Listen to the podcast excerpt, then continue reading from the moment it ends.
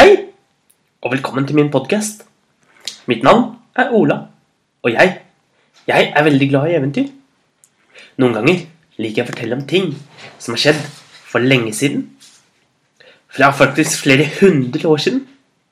Men i dag, i dag skal jeg fortelle om noe som har skjedd for enda lenger siden enn det. Nemlig flere årtusener siden. Flere tusen år siden er denne historien jeg skal fortelle i dag. Og vi skal høre en av de aller største heltene i Hellas, nemlig Akilles. Jeg har jo fortalt om Akilles tidligere. Hvordan Og i dag skal vi fortsette eventyret om Akilles. Akilles, han var sønn av en konge. En konge ved navn Peleus.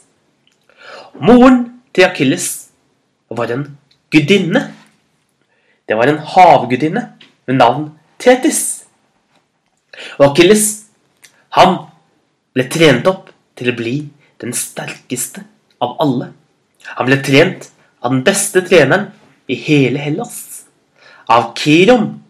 Og Kiron, han var ikke et menneske, men en kentaur. Halvt menneske og halvt halvt hest.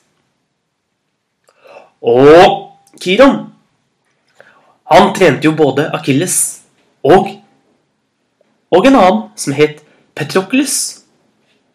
Og Akilles og Patrokles ble mer glad i hverandre enn i noen andre i hele verden. Men det skulle bryte ut en stor, stor krig, og skjebnen hadde sagt at Akilles, hvis han reiste til Troja, så måtte han velge. Enten kunne han leve et langt og godt liv sammen med sine kjære. Men da ville han ikke bli husket.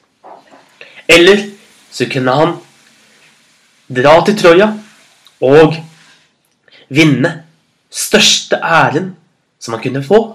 Og han ville bli husket gjennom årtusene. Men i tillegg så måtte han dø. Og Moren, Tetis, hun gjorde alt hun kunne for å gjemme Akilles fra denne krigen. Så hun tok han med til en øy hos en konge, hvor han skulle, skulle bo. Det var nemlig kong Lykomedes. Der bodde Akilles i skjul, men han var kledd ut som en dame. Som om han var en av prinsessene hos kong, på øyen til kong Lykomedes på øyen Skiros. Men den smarteste mannen i hele Hellas, nemlig Odyssev selv, han reiste over havet, og til slutt fant han en måte å lure Akilles med seg. Og når Akilles så hadde kommet fram og sagt at han ville dra og bli med til Troja, da fortalte Odyssevs alt det Akilles tenkte vite. Og sammen så seilte de inn til, til en stor øy hvor det sto tusen skip til kong Agamennon, kongen over hele Hellas. Han, han hadde med seg hærførere fra hele verden, eller fra hele Hellas. 50 stykker til sammen. Og vi husker at eh, at eh, når de seilte videre, så fortalte Odyssevs historien om byen til Troja. Hvordan den var blitt bygget av Poseidon, havguden selv. En av de tolv mektige gudene oppe på Olympos. Og at byen, Troja, hadde så store murer, så sterke murer, at de aldri noen gang ville bli knust av en fiendtlig hær. Og det var det siste jeg husker. Og Odyssevs avsluttet historien sin og sa Odyssevs eh, og Poseidon lovet at en eller annen gang i fremtiden så skulle han få hevn fordi han hadde blitt lurt. Lurt av kongen til Troja. Og og skipet seilte videre over havet.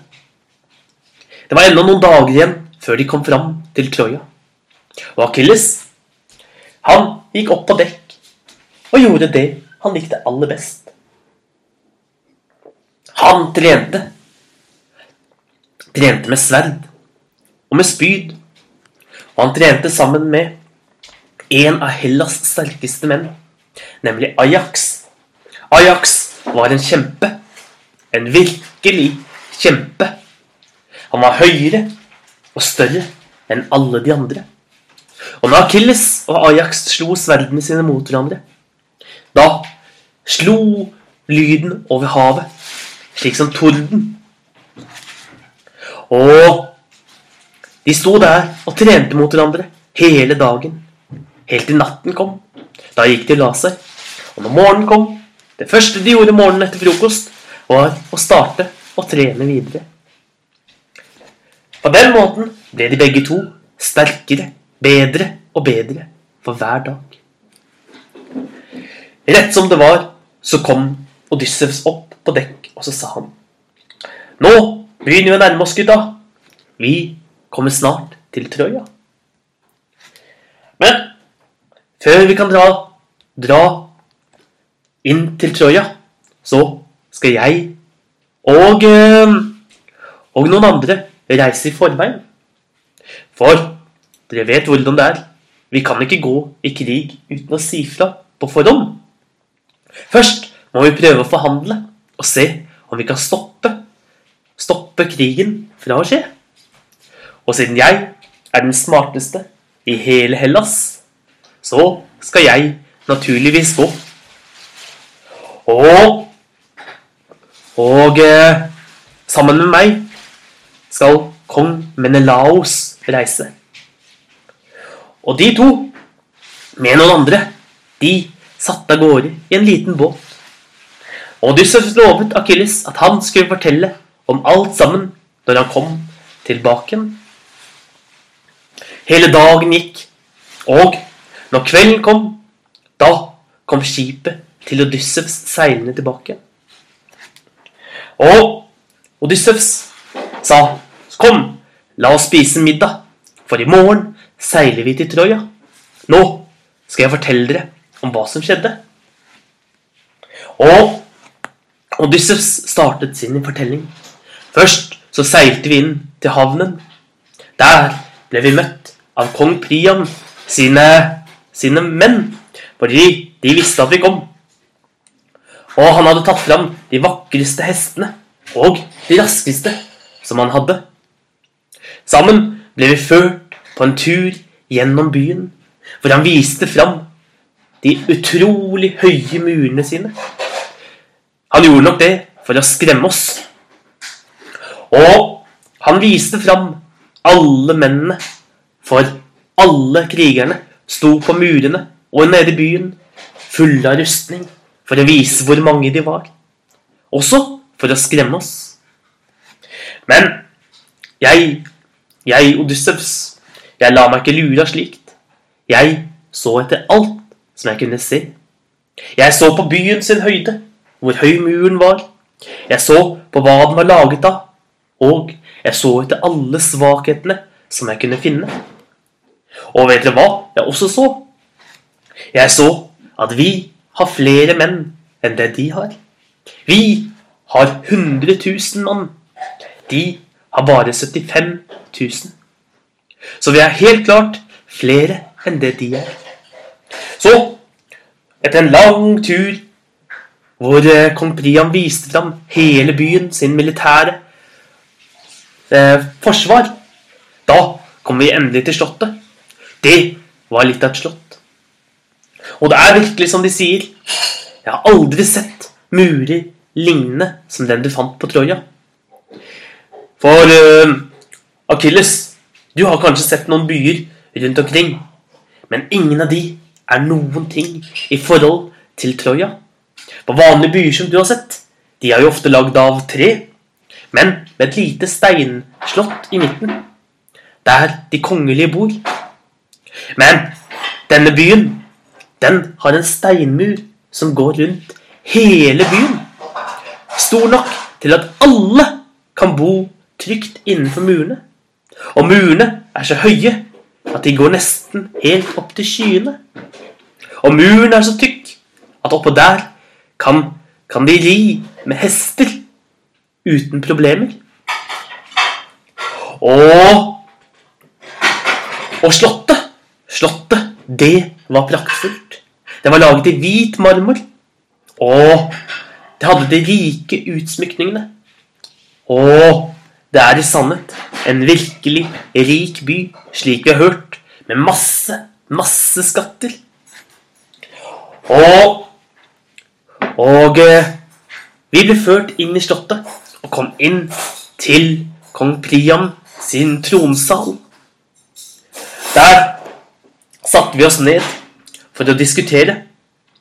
Og først så prøvde, prøvde kong Priam å late som han ikke visste hvorfor vi kom. Han snakket om at 'Hvorfor kommer dere hit med, til meg?'